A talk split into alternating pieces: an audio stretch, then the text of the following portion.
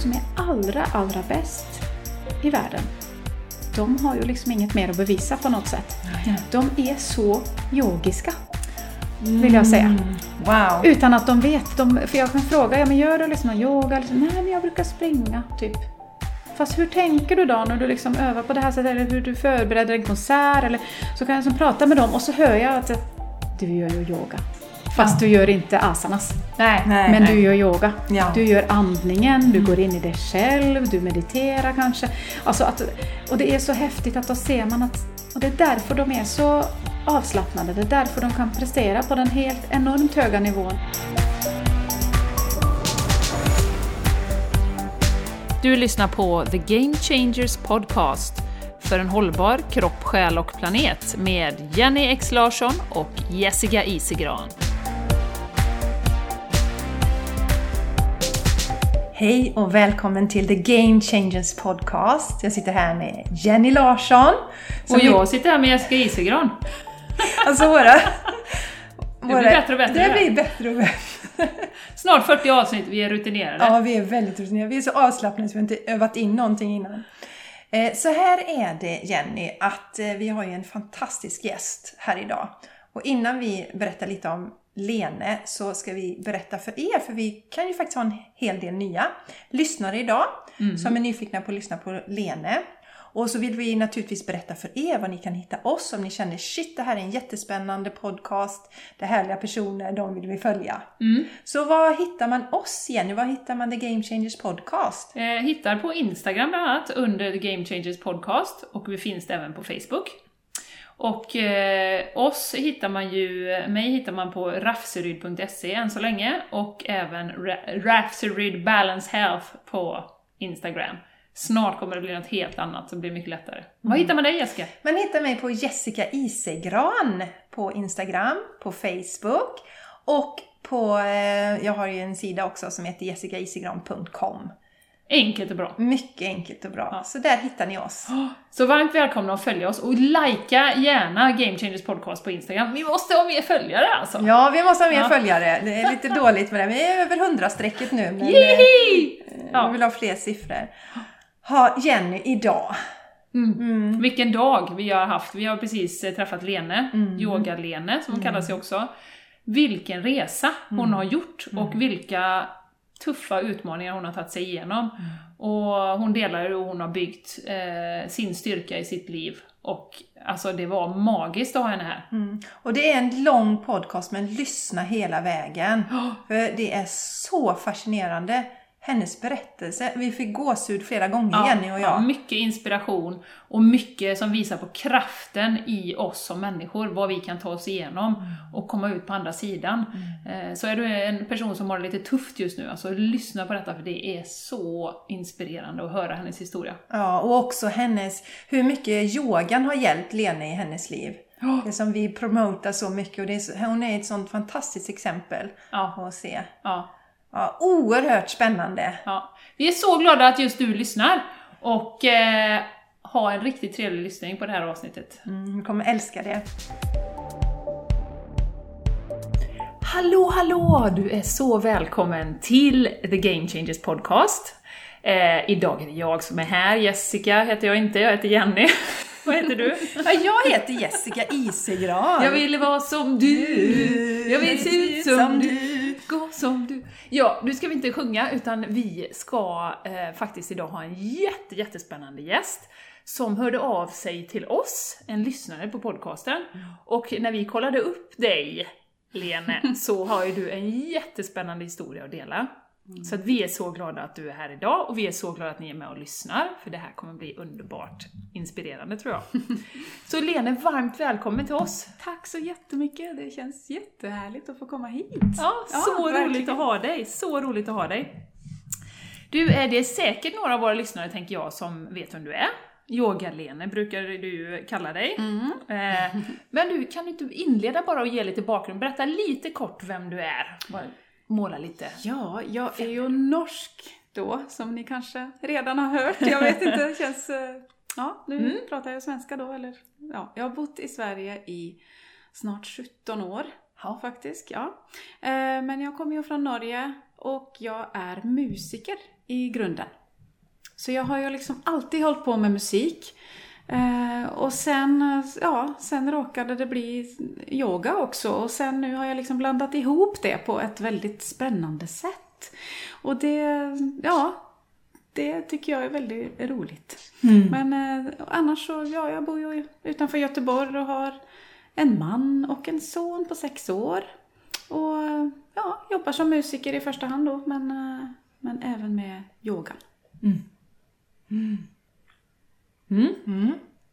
Varmt välkommen helt enkelt. Ja, så kul. Och vi tänkte ju börja och fråga hur yogan kom in i ditt liv. Nu sitter du här med din t-shirt eller tröja som det står Ja. Breathe Music. Du kan visa för kameran där.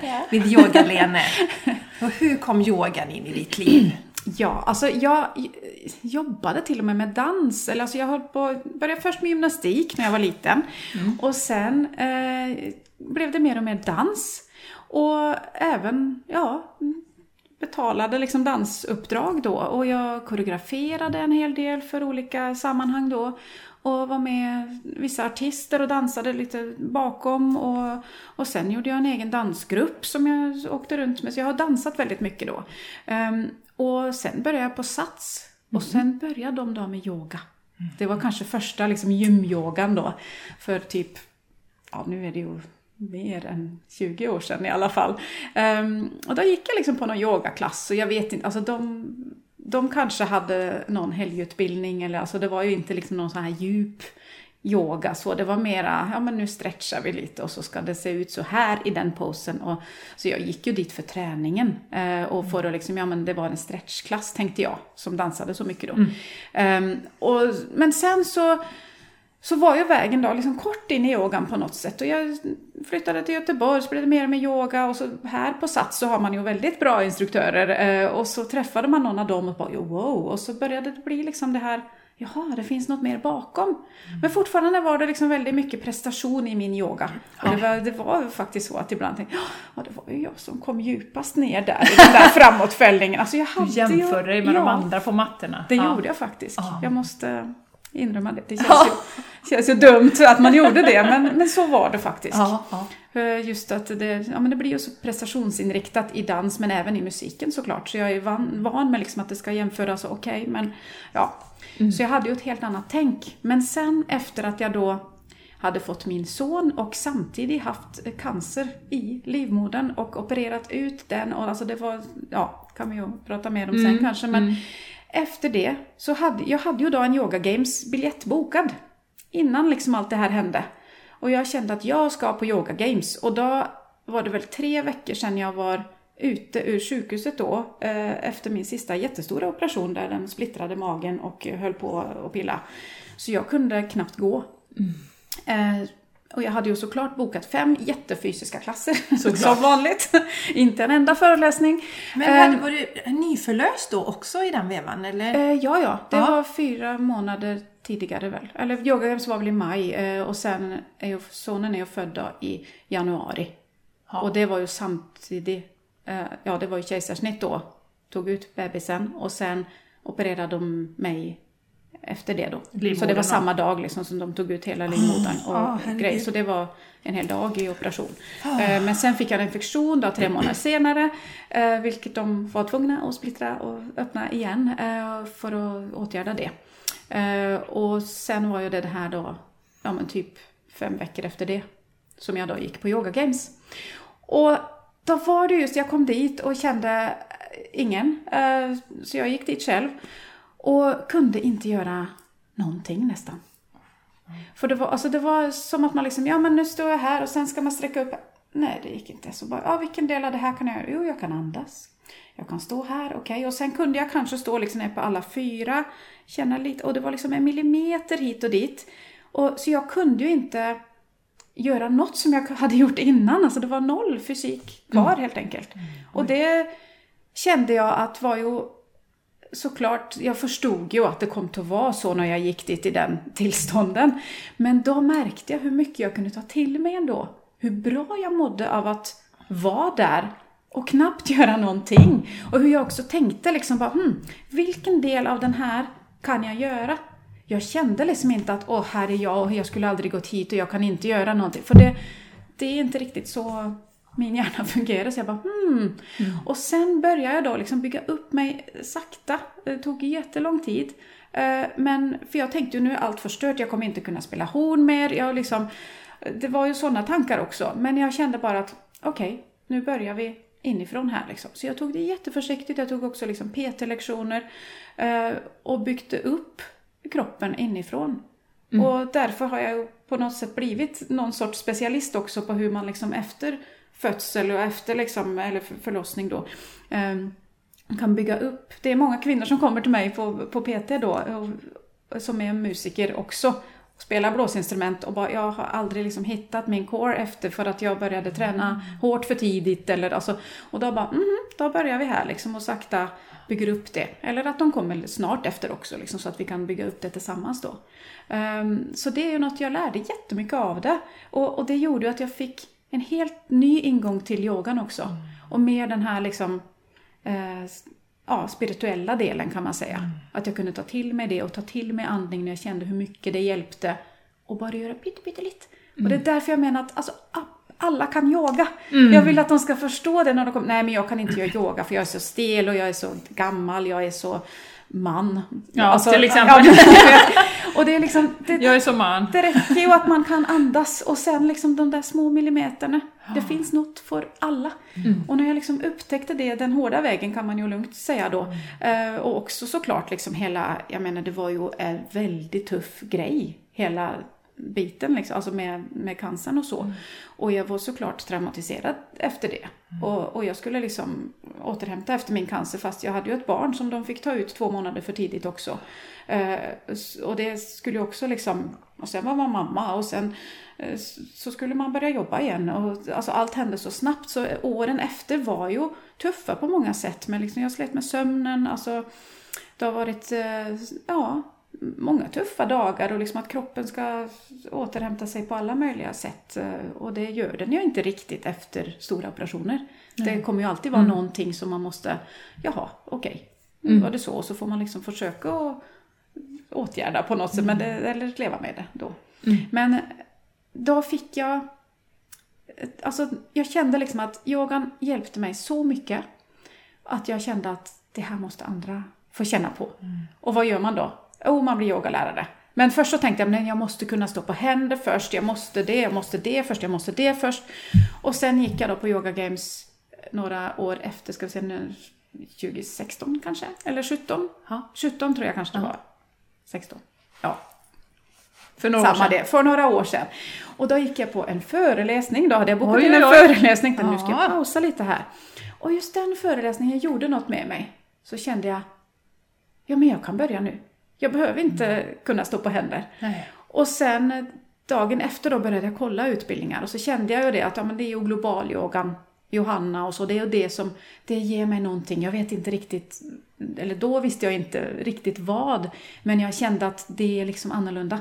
Det, det når mig på ett annat sätt. Och jag tror idag så känner jag att det var ju hennes genuina sätt, liksom, att hon var äkta. Det var inte den här yogatantrösten, det var inte någon Nej. roll hon spelade, det var bara här är jag och där är du och det är okej liksom. Ja. och, och då blev det liksom, ja men okej, global yoga. Och så tänkte jag, okej men då ska jag ha 100 timmar och sen ska man bygga på med två workshops och då har man 200 timmar. Och sen så såg jag, tänkte jag, åh vad vill jag göra då efter grundutbildningen? Okej, jag kan anmäla mig till den, det är augusti. Och så vill jag lite att allt ska hända på en gång också. Så jag kände att, och sen vill jag göra barnyogan, för nu har jag ju ett barn, och då var ju han typ tre kanske då. Nu har jag ett barn och, och jag vill veta liksom, hur kan vi göra, göra yoga tillsammans? Så såg jag, ja, men i höst, nej men då är jag redan, då spelar jag, den helgen kan jag inte. Men det finns ju en om typ fem dagar.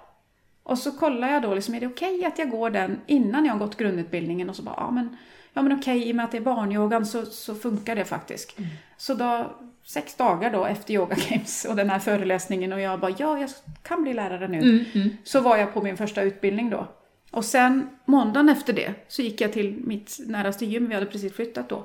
Och så tänkte jag, ja men jag tänkte liksom ha någon provvecka, funkar det? Vill gärna träna här, liksom, för nu är det så långt till Sats och så. Och så sa han, ja, men vad är du intresserad av? Och nej, men jag är intresserad av ja, men danspass och sånt eh, gillar jag. har dansat mycket och sen eh, ja, men yoga och ja, jag gick ju faktiskt en barnyogautbildning nu i helgen så här. Det vill vi ha här! Så bara, ja, så liksom en ja, åtta dagar då efter Yoga Games och jag vill bli yogalärare så var det bestämt då att jag skulle ha barnyogakurser på hösten. så ni vet, alltså det, ibland så är det så att när man liksom bara öppnar en dörr så bara Wah! så kommer liksom hela världen där när man bara vågar. För jag hade ju liksom begränsat men jag tänkte i flera år att bara oj, jag måste, men först så måste jag, först så, men jag är inte klar än, jag är inte klar än. Och sen bara, men jag blir ju aldrig klar, vad väntar jag på? Liksom, jag bara börjar. Och så är det ju det när man blir yogalärare så först och främst så, så är det ju en egen resa. Man, man gör ju den här liksom egna djupa practicen på något sätt. Och, och det gör, gjorde ju också väldigt mycket med mig. Och, och bara på de åren har det ju hänt jättemycket. Men så, så det känns som att jag hade liksom yogan där på något sätt och sen fick jag den här djupare liksom, aha, det kan vara någonting annat liksom när jag var skadad då och var på Yoga Games. Och sen blev jag lärare och fördjupade mig i det och, och då tänkte jag också då, då pratade de om ja, du måste hitta ditt guld och, och jag bara, mitt guld, jag fattade inte riktigt då. Men sen så tänkte jag liksom att ja, men jag vill ha yoga för liksom vanliga människor, vad ska man säga? Ja. Alltså icke-musiker då. Ehm, och eh, i kanske typ tre år tänkte jag. Och sen så vill jag göra något för musiker. Sen så vände jag ju på det. Och sen började jag med musikerna istället. För där är ju jag. Ja, just det. Det är ju det jag grund. kan. Det är ju det jag kan. Jag vet precis hur deras vardag ser ut. Jag vet precis alltså, vilket ins- instrument de spelar. Jag kan ibland se det på deras kroppar innan jag vet vilket instrument de Herregud. spelar. Ja, För jag ser bara, jaha, du spelar fiol. Liksom. Alltså, Ja. man bara, jaha, ja, du spelar flöjt. Du är lite sned i rygg. Alltså, man, se, man ser det. Ja. Ehm, och, Och jag de vet ju också vilken mental utmaning Ja. de har eftersom sitter du liksom tutti fiol, är liksom en i fiolstämman eller sitter du på ett solo till exempel som liksom varenda ton du, hör, du spelar kommer höras. Liksom. Ja. Alltså med en helt annan mental press på något Ja, sätt. ja. Så, och jag vet ju det. Mm. Och då kan jag ju hjälpa dem på ett helt annat sätt än en som kommer utifrån, kanske någon sjukgymnast eller något som, som inte riktigt... Ja, det har ju varit några som har hört, ja men kan du kanske spela med fiolen på andra sidan ett tag? Alltså, och det, Nej, det går- det kan man verkligen Nej. inte. Alltså, det, sida. Ja, vad roligt! ja, så det är ju det är så intressant liksom hur, hur, ja, och nu gör jag ju mest yoga för musiker, så tänkte jag, ja men okej, då är det yoga för musiker. Men jag gillar ju inte att liksom placera mig i ett fack. Nej. Och så märkte jag det, då så fick jag den här idén med yogakonsert istället.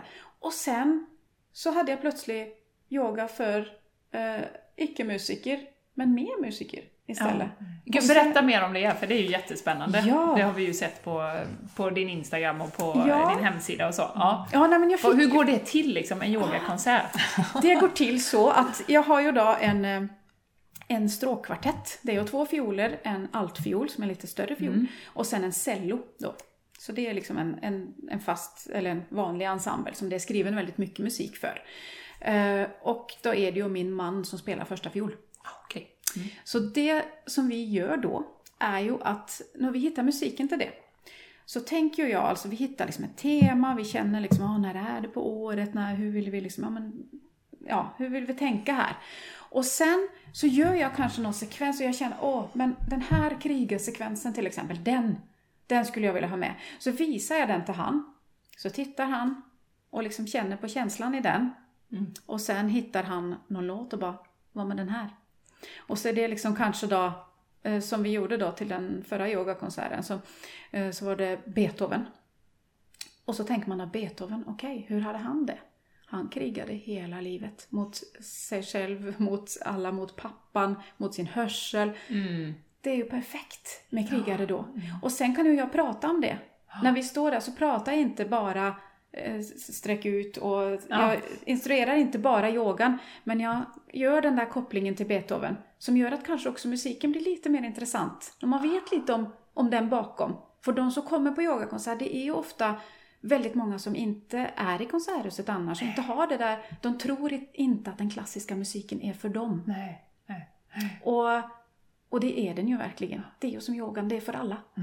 Och då, då gör man den här kopplingen och så tror jag att när man rör sig till det och att musiken liksom passar ihop till rörelserna, alltså inte att det, det är inte liksom koreograferat så, det är det inte, men, men det är ju Det liksom ju en känsla bakom, i en musiken. känsla, ja. ja. Mm. Och jag vill ju det att står man, för jag testade, jag gick på några andra sådana som hade liksom yoga med livemusik. Mm. Men det var liksom, ja men lite stråk eller harpa lite i bakgrunden sådär.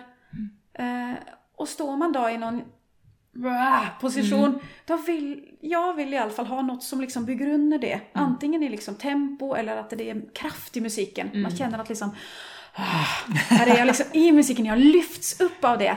Istället för liksom, ja, och så, bara, står man där och jobbar. Alltså det, det funkar inte riktigt för mig kände jag. Och då kände jag att det här kan jag göra bättre. och, så det var det vi gjorde, att vi, när vi planerade det. Så, Ja. så jag visar sekvenser, vi pratar om det, men kan man göra så här, så här. Eh, Och sen lyssnar vi på jättemånga och ibland så liksom skickar han mig någon låt och bara Men den här till en yogakonsert där man liksom kanske dyker lite djupare in i lite mörkare känslor. Så, så vi har massa, vi har en gemensam Spotify då, där vi har potentiella yogakonsertlåtar då. Så, gör vi spellistor och lägger in liksom på olika teman och planerar väldigt mycket kring det. Så det tar ju mycket tid, men det är ju vad vi gör istället för att vi har inte sett Game of Thrones till exempel. Nej, inte jag heller. Men, Även om inte vi gjort heller. Ja, så det, är Nej, liksom, det kan vara våran kvällsaktivitet. Då Ja. gör vi yoga och musik och pratar kring det. Och, och det, det är så himla roligt. Och sen, jag tyckte ju liksom att ja, men det här är en fräck idé. Liksom. Det här kommer bli coolt. Så gjorde vi det en gång då i Konserthuset. eh, I Göteborg. I Göteborg, ja. Eh, och det var ju eh, i Kulturkalaset. Så det var ju liksom något samarbete då mellan Konserthuset och Kulturkalaset. Och eh, alltså biljetterna tog slut jättesnabbt. Och jag trodde ju att det skulle bli en, en härlig upplevelse för de som var där. Men det jag inte var liksom riktigt beredd på var att det kändes som att det blev så oerhört starkt för väldigt många. Alltså det var väldigt många som grät. Det var väldigt många som kom fram och hade knappt ord liksom. Och jag fick en massa mejl efteråt och det var bara Alltså det här var... Ah, alltså, och jag vet inte, det, det är mycket som spelar in där tror jag, men jag tror att många som då ja, men inte trodde att den klassiska musiken var för dem. Och sen att man rör sig till det. Och på slutet om man ligger i shavasana så brukar jag, då pratar jag dem ner i shavasana och så berättar jag vad de ska lyssna på och lite bakom det. Och sen är jag tyst i då kanske sju minuter. Och sen gick vi runt, jag hade två assistenter också, så gick vi runt och liksom gjorde en liten nackmassage och gosade med, med folk. Ehm, och det känns som att då är det liksom öppet rakt in i hjärtat på något sätt. Musiken bara, ha, alltså vibrationerna, allt. Jag vet inte, det är svårt att beskriva men det var tydligt att det blev liksom en ännu starkare upplevelse än jag hade, livemusiken. ja, än jag ja. hade trott nästan. ja. Eh, Och sen var det ju någon som hade hört om det där och så plötsligt, liksom, bara några månader senare, så hade vi ju en till yogakonsert. Och det var ju i Globen. Ja. För det var ju Friskis och Svettis, de hade något 40-årsjubileum, de har en convention där. Och då stod jag ju där och skulle upp på den där scenen i Globen som var gigantisk. Och med två jättestora skärmar, de skulle filma och det var ja men kanske 1500 pers i salen. Och alla var ju liksom instruktörer då. Och jag såg ju det, alla andra som skulle upp på den där scenen var ju antingen alltså Friskis-profiler som hade haft säkert tusenvis av pass på, på Friskis. Eller så var det ju alltså stjärnor från Let's Dance eller eh, träningsprofiler, liksom jättekända. Och då stod jag där och bara, "Ha, nu ska jag upp här, inspirera de här som alla är instruktörer. Och troligen alla har haft fler pass än vad jag har haft. För jag tror jag kanske inte hade haft ens 100 pass då. Nej, nej. Men jag har ju ändå min dansbakgrund, jag har gjort mycket koreografi, haft mycket danskurser och, alltså, och jag har ju stått på scen väldigt många gånger. Både som dansare men också sjungit och inte minst spelat. Så det är klart, jag har ju hela det med mig även om jag inte har haft så många rena yogaklasser då. Eh, Men där så kände jag bara att äh, men jag går upp här och ger dem Lene. Jag kan inte gå in och liksom, nu är det seriöst och nu är det på riktigt. Nu får jag liksom skärpa till mig här. Jag kände, det kommer inte funka. Framförallt inte för mig. Liksom. Alltså, så jag kände, jag gick upp där och vi körde yogakonsert och jag sa precis vad som kom upp. Jag skämtade, de skrattade, vi hade jättehärlig stund. Och även där så var det väldigt mycket tårar, mycket reaktioner efteråt. Musikerna blev liksom superstars. För jag tror också väldigt många som var där hade kanske aldrig varit i ett konserthus och lyssnat på klassisk musik. Och sen fick de röra sig till det och fick det liksom in i kroppen. Och, och, ja, och efteråt liksom musikerna blev liksom igenkända på stan och i, på tågstationen och de tyckte också det var eh, liksom oj, för det våran publik är ju väldigt ofta publik som är vana att gå på konsert och de är vana, de får så mycket av det här så de får kanske inte den där upplevelsen. Det är lite som kanske första yogaklassen för många Mm. eller första liksom riktigt bra yogaklassen för många, den där liksom härliga känslan då. Och då efter det också, jag satt liksom en hel kväll och svarade på mail efteråt och, eh, och jag skickade ut spellista och allt så nu vet jag att de, de har gjort liksom liknande pass, de fick ju passet då och så med spellistan i alla fall på olika friskisanläggningar och, och sånt. Och, um, och nu kommer vi att göra då fyra yogakonserter i Göteborgs konserthus i liksom ordinarie programmet då. Ja. Så nu håller vi på att planera dem och det Till hösten eller Ja, när det är kommer de? september, november, eh, februari och april är det. Och biljetterna är inte släppta än så jag har liksom inte, jag har inte delat det än. Nej, Så nej. det är lite nästan hemligt där. Det ligger på dem, deras hemsida då. Men, men, eh, men då kommer vi ja, men köra fyra olika, det blir fyra helt olika liksom. Helt nya program, olika teman. Eh, november kommer bli mera yin-yoga. Och ja, det är jättespännande hur, hur Ja, bara för att man inte, nej men jag ska göra yoga för musiker. Och så får man en idé och så vågar man gå på det och så plötsligt så oj, äh, nu hände detta. Och sen, sen funkar det. Och det är så coolt att då har man liksom skapat något, man har hittat en connection, man får dela av den här fantastiska klassiska musiken som är min vardag på något sätt. Och se dem där, alltså det är därför vi spelar på något sätt, för att få fram det här. Och jag känner att nu, det är så coolt. Innan så gjorde jag yoga. Och sen gjorde jag min musik. Och sen tog jag det närmare och närmare varann. Och nu är det, det är helt ihopsmält. Och det ger en sån enorm effekt. Inte bara för mig, men alltså, och det känns så naturligt för mig. För att jag har ju båda i mig på något sätt. Så jag, Det, det är ja. så häftigt, för det pratar man ofta, oftast kan vi ju inte föreställa oss, för vi är så begränsade, hur bra någonting kan bli. Men när man följer det där som du säger, känslan, och så kan kanske man få våga lite mer även om något känns läskigt, så kan man skapa sådana här fantastiska saker. Det är jättehäftigt. Och just att ge sig själv tillåtelse, det pratar ju vi mycket om. Att inte liksom, det var, jag var ju också där, jag kan inte bli yogalärare, jag har bara yogat ett halvår. Jag bara, skit i det! Jag kör ändå för det känns rätt. Ja. Att man vågar, att man inte liksom håller sig tillbaka för att ge sig själv liksom tillåtelse. Och jag, jag kan inte därför att, och det går inte därför att, och det där liksom. Och när man väl då släpper som du gjorde och bara, nej, jag kör och jag är mig själv. Ja. Och hur det bara liksom, ja, utvecklar sig så naturligt och härligt. Ja. Det är så härligt att höra. Och jag tror också att det är så många som... Det är så lätt att man förminskar sig själv. Och det gjorde jag jättemycket tidigare i livet. Men jag känner att jag är så trött på det. Jag orkar inte. Nej. Jag vill, alltså... Som, eh, jag på, som när ni pratade med Fredrik, eh, forskaren där. Eh, just det där att liksom... Jag är tjej, men jag vill in i rummet och ta plats. Som, som killarna då gör mer tydligen. Jag tyckte det var väldigt intressant, liksom, för jag kände ju igen mig väldigt i det att man kommer in och ja, hej, jaha, får jag... Man vågar inte sätta sig. Eh, Men sen killen bara, jaha, en stol och så går man och sätter sig och bara, jaha.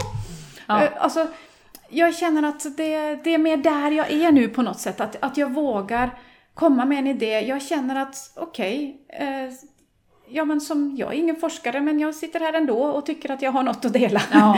och, och jag går upp på scenen i Globen även om jag är liksom ingen i träningsvärlden, kanske var ingen som visste vem jag var där. Men jag kände att nej, jag har något att, att ge er. Och det, det litar jag på nu på ett annat sätt. Och jag tror också det att det är så lätt att man då tänker också som en entreprenör, för jag menar jag, jag är ju också en entreprenör, jag skapar ju det här och det är ju, jag får ju betalt för det liksom. Eh, och att man då är så rädd för att ta kontakt med de stora. Man tänker liksom att ja, men jag får börja här i det små, jag får vara försiktig och så. Och så som när jag skulle ha min första öppna workshop för musiker så tänkte jag, ja men Göteborg, här bor jag ju liksom. Nej, jag kör Stockholm. Så hyrde jag in mig på ett center i Stockholm. Jag la upp på Facebook, jag tänkte jag skulle liksom skicka runt till alla institutioner, alltså Musikhögskolan där, orkestrar och så. Jag hade väl 24 platser då. ehm, och jag la upp det på Facebook. Och efter tre dagar så var det slutsålt. Och, och det är liksom... Ja, men, eh, jag fattade ju inget. Jag hade Nej. inte hunnit skicka ett enda mail. Nej. Så var alla, det var, alla platser var, var gott. Men det jag gjorde när jag la upp det, så hade jag ju jag hade professionella bilder som jag hade tagit. Jag hade även liksom kontaktade, jag kontaktade Yogobi, jag kontaktade Get Raw. Alltså, så jag fick ju, eh, och även ja, men, eh, Heroica som, som är eh, några som jag samarbetar mycket med. Liksom, vi har växt, vi träffades i början båda två. Och så, och så har vi liksom, vi växer tillsammans kan man säga. Och det som är roligt då är, är att när jag kunde erbjuda Eh, när jag skulle ha workshopen då så skrev jag också att ja men ni får goodiebag. Och alla fick liksom den här eh, Get Raw bar. Och så fick de en månad på Yogobi. Och jag kontaktade dem och de bara, jaha, vem är du? Typ, ja men det här låter ju roligt, yoga för musiker. Ja, jo men okej. Så fick jag en kod. Och så ser det kanske lite mer proffsigt ut än det var. För det var kanske ingen där som visste att det var min första workshop. Nej, nej, nej. Men, och det blev ju jättebra. Men det är också liksom en del av det där att våga och bara Ja men visst, ja, men jag, vill, jag vill ha goodiebag. Jag gillar att få goodiebag. Så tänkte jag, det, det vill jag ha. Lite guldkant. Det, det tycker jag om. Och sen fixade jag det och sen så bara, mm, ja men då kändes jag lite proffsigare på något sätt. Och, och ja men också liksom så kände jag då, oj jag ska i Globen. Vad- Jag ska stå på scen i Globen. Jag måste ju ha en tröja tänkte jag. Så jag gjorde någon sån här svart hoodie då med den här loggan och då tänkte jag ut en logga och, och fick hjälp av en väninna då som är illustratör. Och, och sen hade jag liksom tryckt upp lite grann och sen började jag, men det var ju bara till mig. Sen började jag få, ja men jag vill ha en sån där tröja, ja men jag vill ha en sån där, ett sånt linne. Och sen, så nu har jag tryckt upp mer och jag, så nu säljer jag dem och ger ut lite till, till folk jag samarbetar med och, och allt sånt. Och det, men det gör ju också att när jag står i Globen så hade jag ju då, liksom- alltså det är klart att det, de visste väl inte att jag hade tryckt upp den tre dagar innan liksom. Alltså, nej, nej. man ser proffsigare ut på något sätt. Så det, på något sätt så känner jag mig lite så, oj, men det är någon sorts illusion där. Men nej, jag förtjänar väl en egen tröja tyckte jag. Ja. Och då gjorde jag det. Så, Vad är det som gör att du har blivit modigare med det tror du då?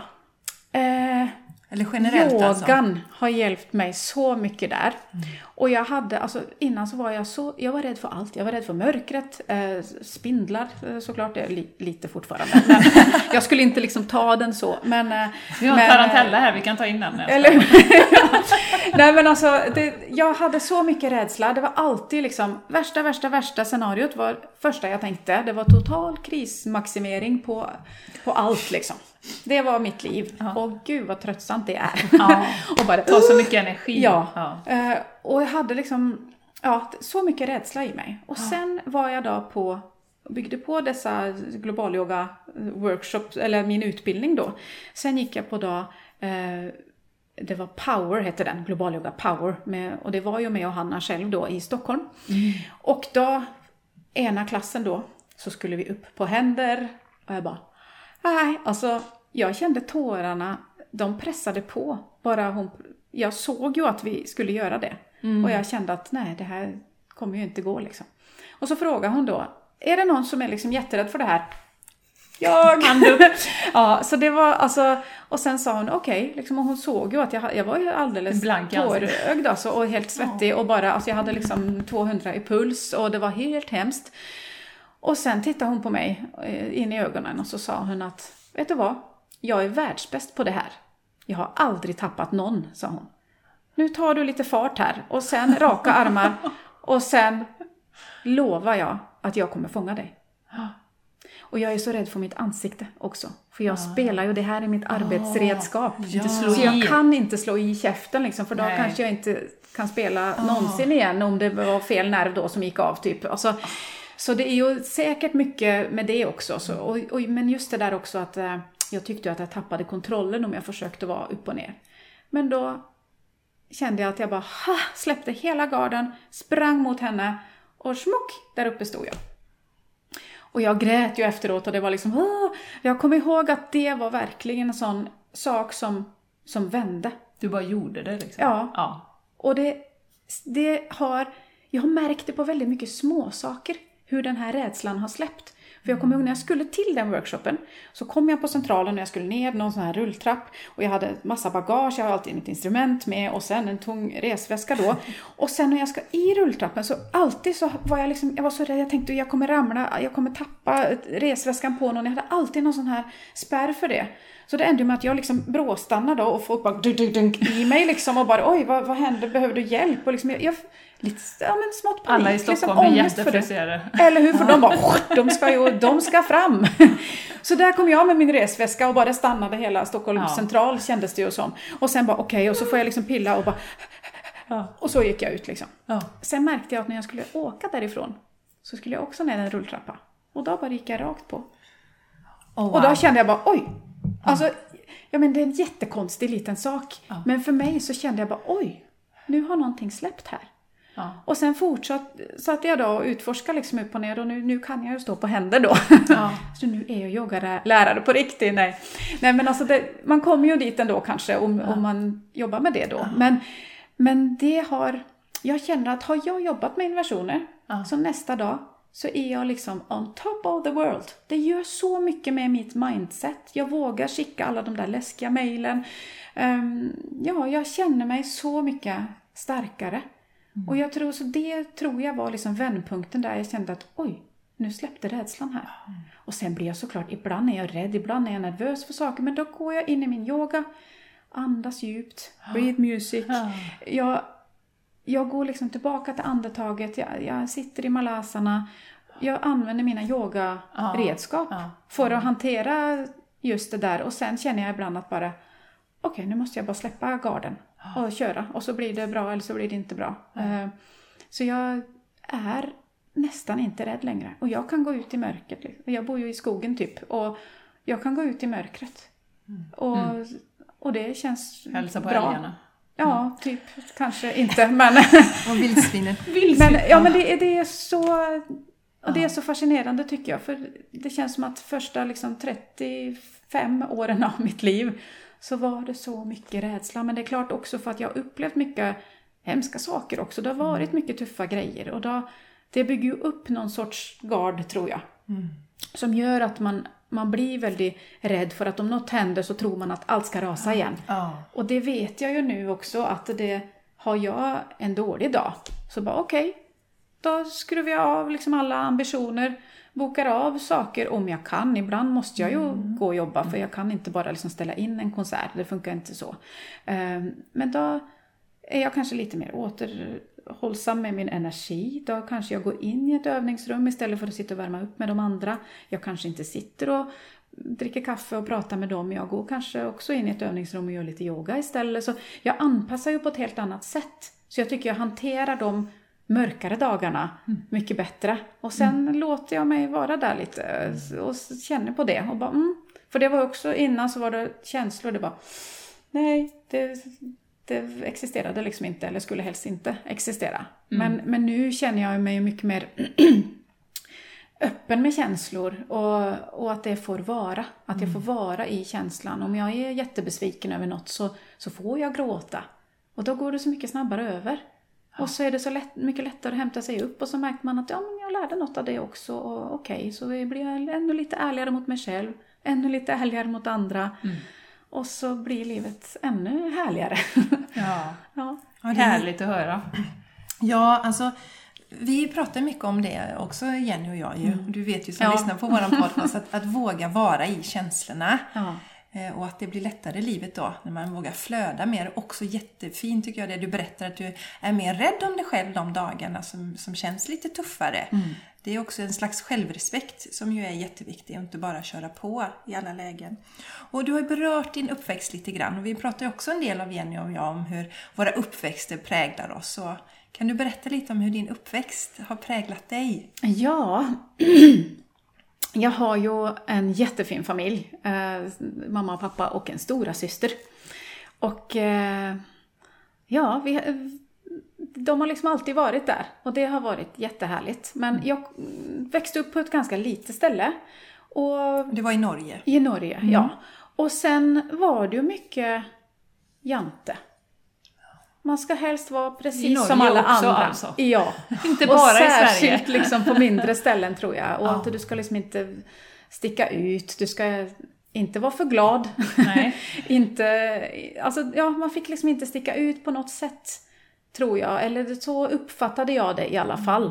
Eh, och sen hade jag nog, jag skulle säga att det var ju mindre kunskap eh, generellt om, om mycket på den tiden. Eh, och min skoltid var väl sådär. För jag låg långt framme i väldigt många ämnen. Och eh, hade då lärare som till slut så ville de inte ge mig flera uppgifter men jag fick liksom hjälpa de andra. Så jag var typ 9-10 och fick ibland då liksom agera hjälplärare till mina klasskamrater. Det blir inte så poppis. Så jag kommer ihåg att redan då försökte jag snacka ner mig själv Ja. och dra ner mig själv för att eh, ja, för att vara som alla andra på något sätt. Jag vågade inte stå för att jag var bra på saker. Men just i musiken så hittade jag en frihet då, för jag spelade ju redan då och det var ju tydligt att oj, det ligger för mig liksom. Och, och jag övade mycket hemma och, och jag blev ju bra på det. Men det var liksom någon fristad på något Och det sätt. var, att där var vara- det okej att vara bra i musiken då? Ja, där kände jag inte på det. De som var där i min skolorkester då, de, de var liksom jättetrevliga på det. Och eh, ja, det var... Jag vet inte, det, det, det präglade mitt liv väldigt mycket tror jag. Det där att försöka och, och inte... Ja, inte som jag är Tona idag då. Liksom. lite, Ja, men liksom. tona ner. Och ja, jag kan vara mycket kanske, men jag var väldigt tyst som barn. Ehm, Jag kom hem från kalas för att jag tyckte att det var för bråkigt. Vågade inte ens svara om någon frågade mig någonting. Förutom till min familj såklart och en och annan kompis. Så jag sa ingenting i klassen i många år. Och vid tio ungefär så, så vände det där. Och sen började jag ta mera plats eh, på något sätt. Men, men eh, redan från nio års ålder då så jag kommer ihåg, jag såg ett tv-program faktiskt när jag var nio år. Kommer precis ihåg vart jag var då, jag var på besök hos någon. Och det var inte så mycket på tv, det var en kanal. Så man tittade på det som sändes helt enkelt. Och då var det... För er yngre lyssnare, så Ja. var det förr i tiden. Man fick inte välja. inte ens vad man ville titta på. Ja, så då kom det ett program, en dokumentär om Karen Carpenter. En popstjärna på typ 60-70-tal kanske. Hon dog av anorexia. Och jag såg det här som nioåring och bara jaha, en sjukdom som man kan liksom eh, ja, alltså göra själv då. Så tänkte jag att men kanske om jag hade någon sjukdom, för jag hade ju liksom, ja men bästa familjen, jag fick göra vad jag ville, typ jag fick åka på skolresor och skolorkesterresor, jag hade aktiviteter. Så vi, hade, alltså vi var inte rika på något sätt, men jag hade liksom det jag behövde. Eh, Jag hade världens coolaste stora syster som var superpoppis och det var alltså, ja. Så det kändes som att, och jag var duktig på musiken och jag gick på gymnastik och var liksom duktig där och med dansen och, och det var liksom inte okej, kändes det som. Och det var kanske en eller två som kanske tyckte att det var jobbigt och var lite missundsamma då. Men det räckte för mig. De gillade inte mig. Och det var jättejobbigt. Och då ville jag försöka liksom dra ner mig då. Eh, och jag kommer ihåg att jag räckte upp handen i klassen och svarade fel med flit. Herre. För att jag ville alltså, dra ner mig. Jag låtsades när jag blev liksom uttagen i något rum med de som hade alltså kanske typ två poäng på mattprovet. Fast jag hade allting rätt och lite till typ. Och så blev jag uttagen till ett annat rum då för att jag fick bara andra uppgifter då och fick sitta och jobba med det. Och då låtsades jag för min klass, ah det gick så dåligt. Så jag låtsades som att jag hade fått dåligt då. Och när jag då kunde göra en sjukdom. För jag kommer ihåg att jag tänkte liksom att bara, åh men om, om mina föräldrar hade skilt sig kanske, för det, är det, det har ju deras föräldrar gjort typ. Och då kanske om jag hade något problem. Alltså jag tänkte ju så. Det är ju hemskt alltså. Det är inte klokt. Nej, men eller hur? Och jag tänker då, men, men, men stackars lilla, hur, hur gick det där till? Men, Och jag vet inte, det var kanske i min hjärna. Det kanske inte var så utifrån liksom, men, men jag kände att jag måste göra någonting för att dra ner mig, helt enkelt. Och det var så min anorexia startade. För jag, jag hade inget, jag, jag var inte tjock, jag hade inget liksom, jag utvecklades tidigt. Fick liksom bröst och mens tidigt. Ja. Och det uppmärksammades ju. Men det var Eh, också så annorlunda då. Ja, så det var liksom, då kände jag mig lite annorlunda kanske. Men, men eh, ja, så det var så det började. Det var inte för att jag ville bli smal på något sätt. Men sen så tyvärr så hängde ju det med väldigt länge. Och det blev ju extra illa då mot slutet av högstadiet och gymnasiet. Så tvåan på gymnasiet så tror jag jag var mycket mer på sjukhus än jag var på skolan. Men jag hade en fantastisk väninna som åkte ut till mig på sjukhuset varje dag. Pratade vad som hade hänt på skolan och, och de har blivit tillsammans. Alltså jag fick liksom höra allting. Och hon kom med uppgifter till mig då. Så de erbjöd mig att ta gymnasiet på fyra år. Men jag gjorde klart det på tre och fick hyfsat bra betyg och sånt. Men sen, ja. Sen Så- blev det inte så bra efteråt då när jag skulle liksom flytta flytta vidare bort och försöka studera och sånt och gick på folkis eh, och ingen kände mig. Jag kunde liksom börja om igen och inte äta och hålla på och det var massa sjukhusinläggelser och ganska trassligt. eh, Men jag hade det också väldigt bra. Det är liksom, Jag kommer ihåg så mycket, alltså jag gjorde ju allt möjligt, var med på allt möjligt känns det som. Fast jag var också mycket på sjukhus och mådde Men du, dåligt. även om det inte var helt, men du ville liksom vara sjuk och då blir det väldigt svårt Ja. att bryta detta mönstret också tänker jag. Ja. För du, du ville vara det för att på något sätt passa in. Ja. Eller? Och till slut så tog det ju över såklart för att man, man gör ju sin hjärna mindre helt enkelt. Och man, jag fick ju ingen näring och det, och det, ja, och sen blir det så mycket negativt tänk och, och det var ju flera gånger som jag ja, men, hade verkligen planer om att avsluta allting för jag kände att jag är bara jobbig liksom alla, jag är bara ett, stort, ett enda stort problem för alla. Ehm, Men jag har ju som sagt haft fantastisk familj och eh, som har gjort all, absolut allt de kunde. Eh, Och sen fick jag ju bra hjälp då när jag var ja, 19-20 någonting. Fick jag bra hjälp på eh, Modum Bad som är ett sånt här specialsjukhus i, i Norge och där bodde jag väl, jag tror det var ett år.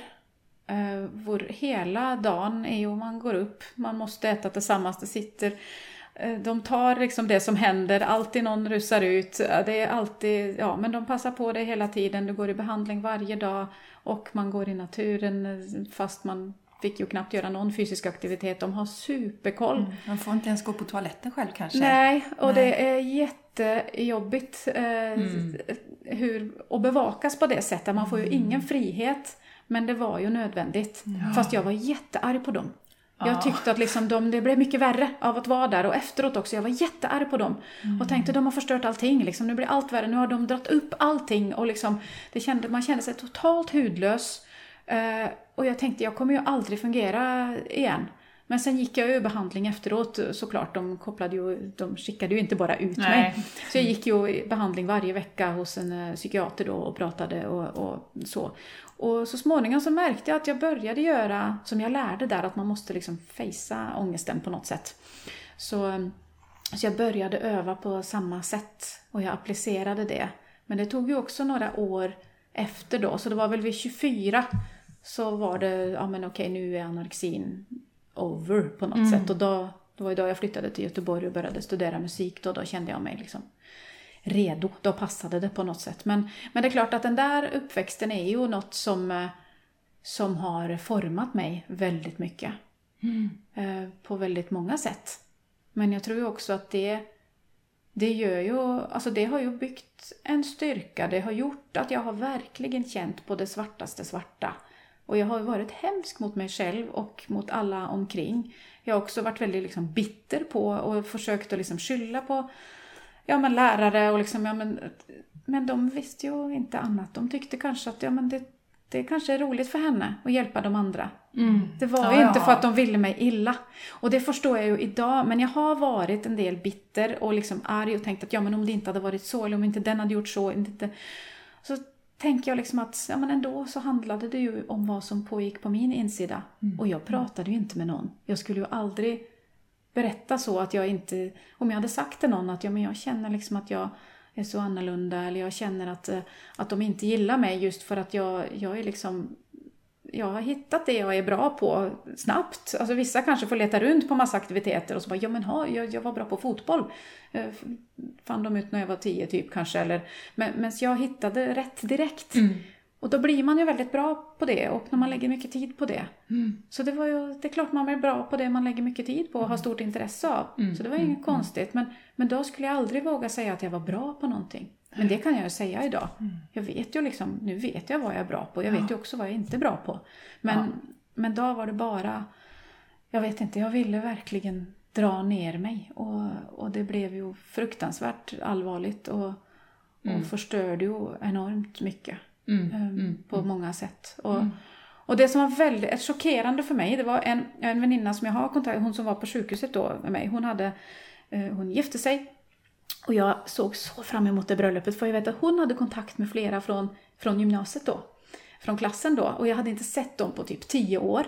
Och jag var ju helt frisk, jag mådde mycket bättre, eh, även om jag var inte alls där jag är idag.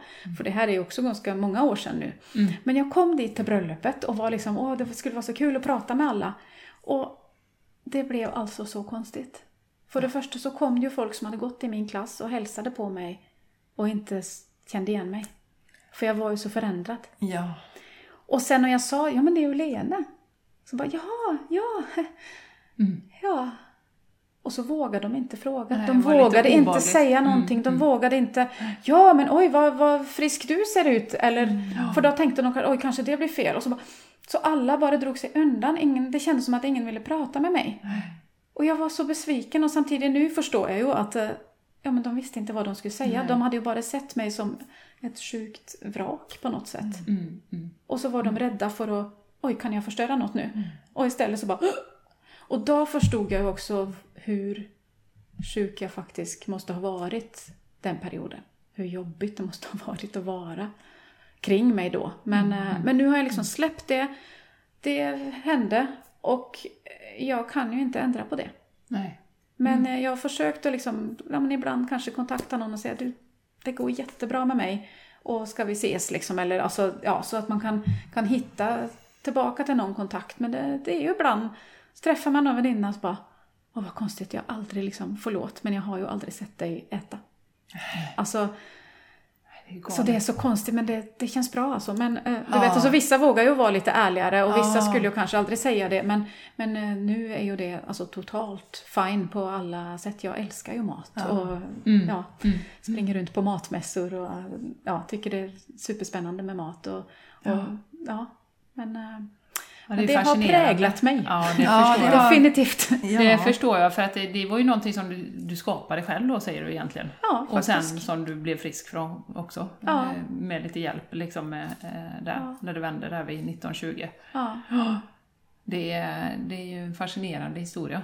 Och att du faktiskt kom förbi allt det här och sitter här idag och frisk och mår så bra och liksom Ja, och jag känner ju också att alltså, jag är ju idag, nu blev jag ju 40 år förra veckan. Oh, just det! Grattis! Ja. Det såg vi, grattis efterskott såg jag på Instagram. Eh, och då kände jag att bara, oj vad, vad livet eh, är bra. Ja. Och det är så konstigt hur jag också märker, alltså både, alltså, ja men på alla sätt så är jag så sjukt mycket starkare nu. Ja. Än, eh, jag tänker, alltså även min core nu är ju starkare än när jag var 22 och jobbade som dansare. Ja, det är fräckt. Det Alltså, pratar hur, ju vi mycket om Hur också. är det ens möjligt? Alltså Ja. man tänker kroppen är ju fantastisk. Ja. Som jag har misshandlat min kropp. Ja. Och som läkarna har misshandlat min kropp och skurit, och opererat och dratt ut. Och alltså det finns ju så mycket Mm. eh, ärr liksom på insidan och utsidan för, för sig. Men, Ja. men att det går att bygga upp det då genom yogan som jag berättade om. Och att man kan bygga upp det och, och hitta den enorma styrkan. Mm. Så jag menar, jag är ju liksom ett levande exempel på att det går att vända. Vända. Även, alltså både liksom det psykiska men också det fysiska då. Mm. Och att kroppen, både kroppen och, och liksom hela mindsetet, alltså det, det går att göra något åt. Mm. Och det tycker jag är så otroligt härligt. Ja. ja, det är du ett levande exempel på och jag tror att många, om det är någon som lyssnar, som känner sig att man är i den situationen just Mm. nu, att det går ju faktiskt, vare sig det är fysiska problem man har Mm. eller om man har det tungt mentalt, att det går att ta sig igenom. Ja, Det, det är liksom, vi som människor tror jag är väldigt Alltså vi är ju motståndskraftiga, många av oss. Nu hade du ju en fa- fantastisk familj säger du också, som Jo. stöttat dig Ja. under hela Men eh, som sagt, du är ett levande exempel på det. Det är så härligt att, att höra. Mm. Ja. ehm, ska vi ta den eller Jessica? Ja, den. Ja, den har vi pratat om. Jag tar lite Nu te diskuterar, medan ni tar diskuterar. du lite te här? Ehm, Ja, ja, precis delvis, men inte så, vi har inte ja, ja, vi fördjupat oss pratar du mycket den, där. eh, om den då? Ska jag prata om Ja, det? Men det, står, det. står ju Jenny där. Får du får bryta, du får utmana dig själv här lite Ja. nu då. Ja. Jo, men alltså jag, jag skulle gärna vilja prata lite mer om cancerdiagnosen och vad som hände kring det. Ja. Mm. Eh, det som hände kring det var ju att eh, som med mycket annat i livet så tänkte jag att ja men barn, ja det ska jag väl ha någon gång men inte riktigt nu och det måste, det måste vi vänta med och det så så liksom att det var alltid något man eh, ja, väntade med och tänkte att eh, jag ska ska bara, vara jag ska bara, Ja. jag ska bara. Men Ja. jag tror man blir ju liksom inte redo för någonting. Det är bara att hoppa i det. Sen bestämde vi då att, ja men okej liksom. Och så hade jag en fruktansvärd rädsla för allt med underliv att göra. Alltså jag hade ju inte gått till gynekolog, jag hade inte tagit mina cellprov. Eh, Och det har ju med en annan historia att göra som jag inte vill gå närmare in på. Men alltså det har ju med liksom eh, missbruk och, och sånt att göra då. Att jag har upplevt eh, saker som, som gjorde att jag, ja, jag tyckte det var för jobbigt helt enkelt att gå till gynekolog och gå på undersökning. Så jag vågade inte det. Jag hade inte varit det på jättemånga år. Och sen ville jag ju bli gravid men jag tänkte att men jag, kan ju, jag kommer inte kunna föda liksom. För jag, jag kan inte ha människor där. Nej. Förutom min man liksom. Nej, nej, nej. Eh, Och, och sen så gick jag då till slut, så gick jag till en barnmorska. Så sa jag, hej, jag vill så gärna bli gravid men jag vågar inte för att jag vågar inte ens ta cellprov. Så jag kan liksom inte undersökas. Och hon var jättehärlig och tog emot mig och förstod min rädsla. Hon såg och förstod. Och hon sa att eh, jag kan eh, ta cellprov på dig, sa hon. Ehm, och vi gör det när du är redo. Vi får öva på det här helt enkelt. Så jag var där tre gånger innan vi kunde genomföra ett cellprov. Ehm, under, eh, ja det var det gick inte, alltså smärtfritt var det ju i och för sig, men alltså jag grät ju jättemycket. Det var total ångest. Så det var, det var hemskt. Ehm, så jag hade ju tagit det där cellprovet och sen kände vi att, ja men okej, nu har jag gjort det. Nu är jag på rätt väg här. Så tänkte vi att, ja men kanske testa då. Så tog jag ut min, jag hade sån här p-stav i armen, tog ut den. Eh, och så fick jag brev från eh, ja, sjukhuset eller vem som skickar ut att eh, oj då, här var det cellförändringar. Eh, och då sa de att eh, nu måste du göra någon sån här konisering eller vad det heter, alltså när man tar ut lite, en lite större bit Ja, då för det. att kolla om det Ja. sitter djupt så. Ehm, och det ska du göra på Sahlgrenska då och då. Och så sa jag oj men hoppsan. Eh, Och så sa de också att det, det är ingen idé att du, nu får vi reda ut det här liksom så du, du får vänta med att bli gravid nu. Och så sa jag att men oj då, det kan ju vara att jag är redan kanske. Eller, men jag tror inte jag har haft någon ägglossning än, för jag hade precis tagit ut den där staven. Och det, de säger att det kan nu ta lång tid innan allt fungerar igen. Och sen då så, eh, ja, sen trodde, trodde vi att, att, eh, för jag skulle ju göra den, ja, eh, lilla operationen då, eller vad det är för ingrepp eller ja. Och då sa de att ja men kom hit då några dagar innan och ta, ta ett graviditetstest för säkerhets skull så kollar vi eh, hur det ligger till då. Men så ringde jag den dagen för då fick jag någon liten blödning så sa jag att ja men nu har jag fått mens här så nu var det, det var ingen fara. Eh, sen gjorde jag då, eh, tre dagar senare då, så gjorde jag ju den här lilla grejen då. Och sen var det sommarlov. Det här var i juni. Så var det sommarlov och då eh, hörde jag inget mer. För de har inte så mycket beman- bemanning där då på cellprovskontoret eller vad man Ja. kallar det. De som, eh, laboratoriet heter det Ja, kanske. Ja. Och sen kände jag liksom att nu händer det något här i min kropp. Ja. Och så kände jag att oj, jag är nog kanske gravid nu. Ja. Och så gick jag då till eh, läkaren då, eller barnmorskan och och läkaren då på vårdcentralen.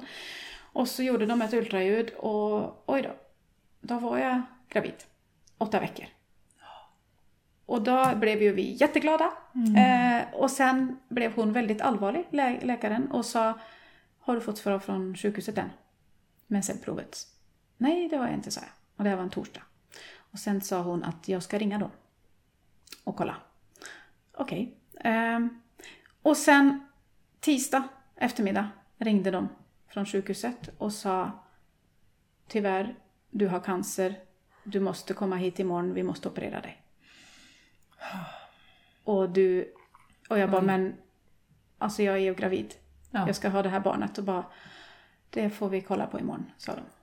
Och jag, alltså jag stod upp för vi var på väg ut och jag ramlade ihop. Och det blev bara svart. Och jag, först, så, först så sa jag, ja men vi ska åka till Norge imorgon och på bröllop så det går inte. Nej, det är första. Men alltså, det, så det var ju, och sen Ja. bara ramlade jag ihop då. Men så drog vi dit dagen efter. Och ehm, de sa det, vi måste operera dig på måndag. Så vi drog faktiskt på det här bröllopet i Norge. Så vi var där på lördagen. Kände att vi sa inget då till, för Nej, det var nej. inom familjen och så, så vi, vi sa inget till dem. Ehm, och sen måndag morgon så var det första operationen och då var ju, ja fostret var ju litet. Och då fick jag gå in på sex olika ställen, det var två timmar i narkos och de fick plocka ut 28 lymfkörtlar. För att kolla om det var spridning då i hela kroppen. Ehm, och sen fick vi vänta en månad innan de visste det säkert.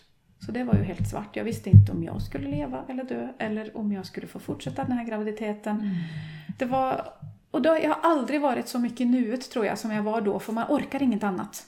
Nej. Det är liksom ett andetag i taget. För man kan inte tänka framåt för då bara vill man ge upp på något sätt. Sen var det mycket smärtor och jobbigt efter operationen eh, då men sen fick vi veta att eh, de sa ju det att är det någon form av spridning så kan vi inte fortsätta graviditeten. Nej. Då måste du operera ut hela livmodern då. Och eh, det fick vi besked om då, att det var inte spridning i lymferna, så, men det var lokal spridning. Och då skulle det ju egentligen inte gå, men så var det en fantastisk kvinnlig överläkare på Sahlgrenska som sa du vill gärna ha det här barnet och det förstår vi och du kommer ju inte kunna få barn efter detta. Eh, jag ska kolla vad jag kan göra. Så hon ringde främsta experten i världen på det här, någon man i Frankrike. Han fick kolla på mina bilder, jag gjorde massa undersökningar. Det var MR, det var ultraljud, det var specialbarnmorska på östra överläkare. De kollade liksom att fostret såg friskt ut för annars skulle de ju aldrig ta chansen. Och sen sa han här i Frankrike att jag kan hålla koll på de här bilderna eh, så får vi se från vecka till vecka. Och så är det någon form av cellgift man kan få efter femte månaden tror jag eller något. Eh, så de sa att vi får, vi får ha koll på detta men du kan fortsätta. Men då fick jag veta typ från vecka till vecka om jag skulle kunna fort, fortsätta min graviditet. Oj. Och sättet jag överlevde på då, det var att jag hade, liksom, jag hade bestämt mig, det här barnet ska fram. Det betydde ju redan mer för mig än mitt eget liv. Det klart. Så jag hade någon idé om att vi, om de säger att tyvärr, vi måste avbryta, du får komma imorgon. Jag hade bara åkt någonstans. Jag hade åkt till Indien, jag vet Ulan inte. Alltså, ja, men Ja. alltså, jag hade bara åkt iväg då, Ja, för jag kände redan den där starka bandet. Och det gjorde ju att jag orkade också. Jag hade den där Mm. Till varje flykten pris. på något sätt. Ja. Ja. Men sen så gick det ju bra då. Alltså de fick eh, operera mig då. Då kunde de inte vänta med. Då var jag precis i vecka 32. Så han blev ju född då åtta veckor för tidigt och jag fick vara vaken under kejsarsnittet. Så jag fick hälsa i tio minuter. Men sen hade han då skrikit hårt på sin lunga och var tvungen att i respirator. Så då satt ju min man då i åtta timmar till eh, och väntade på min operation för då fick jag sövas ner och så opererade de mig resten av dagen då och tog ut livmodern, flyttade på äggstockarna så de skulle gå klar av eventuell strålning. För annars skulle jag gått in direkt i klimakteriet och det ville de försöka undvika. Ehm, Ja, och sen tre månader efter det så visade det sig att det var någon infektion för lymfvätskan hittade inte nya vägar för det var så många lymfkörtlar bortplockade. Ja. Så det blev liksom någon böld eh, så de fick öppna igen då. Det var ju det, den sista operationen då. Precis, innan, innan Yoga, Yoga Games. Games, Ja. ja. Och sen precis efter det också så hade jag, då skulle vi ha dop för våran son. Och jag insisterade ju på det. Så alltså vi har bilder från det där dopet. Jag var ju alltså totalt i morfin Oj. eh, världen och satt i rullstol. Jag kunde inte gå, det var så mycket smärta och det var, ja, så jag är i rullstol med norsk folkdräkt och på dop. Ja. Alltså du vet, ja, men jag har någon sorts, liksom, jag bara skall. Alltså det, efterhand så tänker jag att det var ju helt idiotiskt. Men jag tänkte ju att ja, men de har rest från Norge och bara yes, vi gör detta. Men eh, ja, vi gjorde ju nu det. Och det blev som det blev. Ja. Och, och det hade kanske inte blivit bättre om vi väntade. Jag vet inte. Alltså det, blev- det blev något man, en dag man minnas i alla fall. Det var en, en kamp på många sätt att ens bara vara där liksom. Men, eh, men ja, det, sen så hade de ju fått ut all cancer. Och eh, det gick ju bra. Och jag kan- var bra. Ja, eller hur? Och som du sa till oss innan, du såg dig aldrig som en cancerpatient. Nej, När vi det gjorde jag inte. Ja, Det var utan- bara något som skulle bort. Och jag kände att ja, och nu går jag vidare. Ja. Det, jag har aldrig varit i någon sån här cancerhjälpsgrupp eller någonting så för det, jag kände inte för det. Nej. Jag kände att jag har liksom, jag identifierade mig inte med cancern. Men det var ju också det här barnet hade ju all fokus. Hela vägen i graviditeten men även efteråt. Och det var ju prematurt dessutom så det var ju sond och det var eh, Ja, vi var ju länge på sjukhuset första veckan kunde jag ju inte ens eh, gå. Och, ja, så det var ju Det var så mycket runt omkring.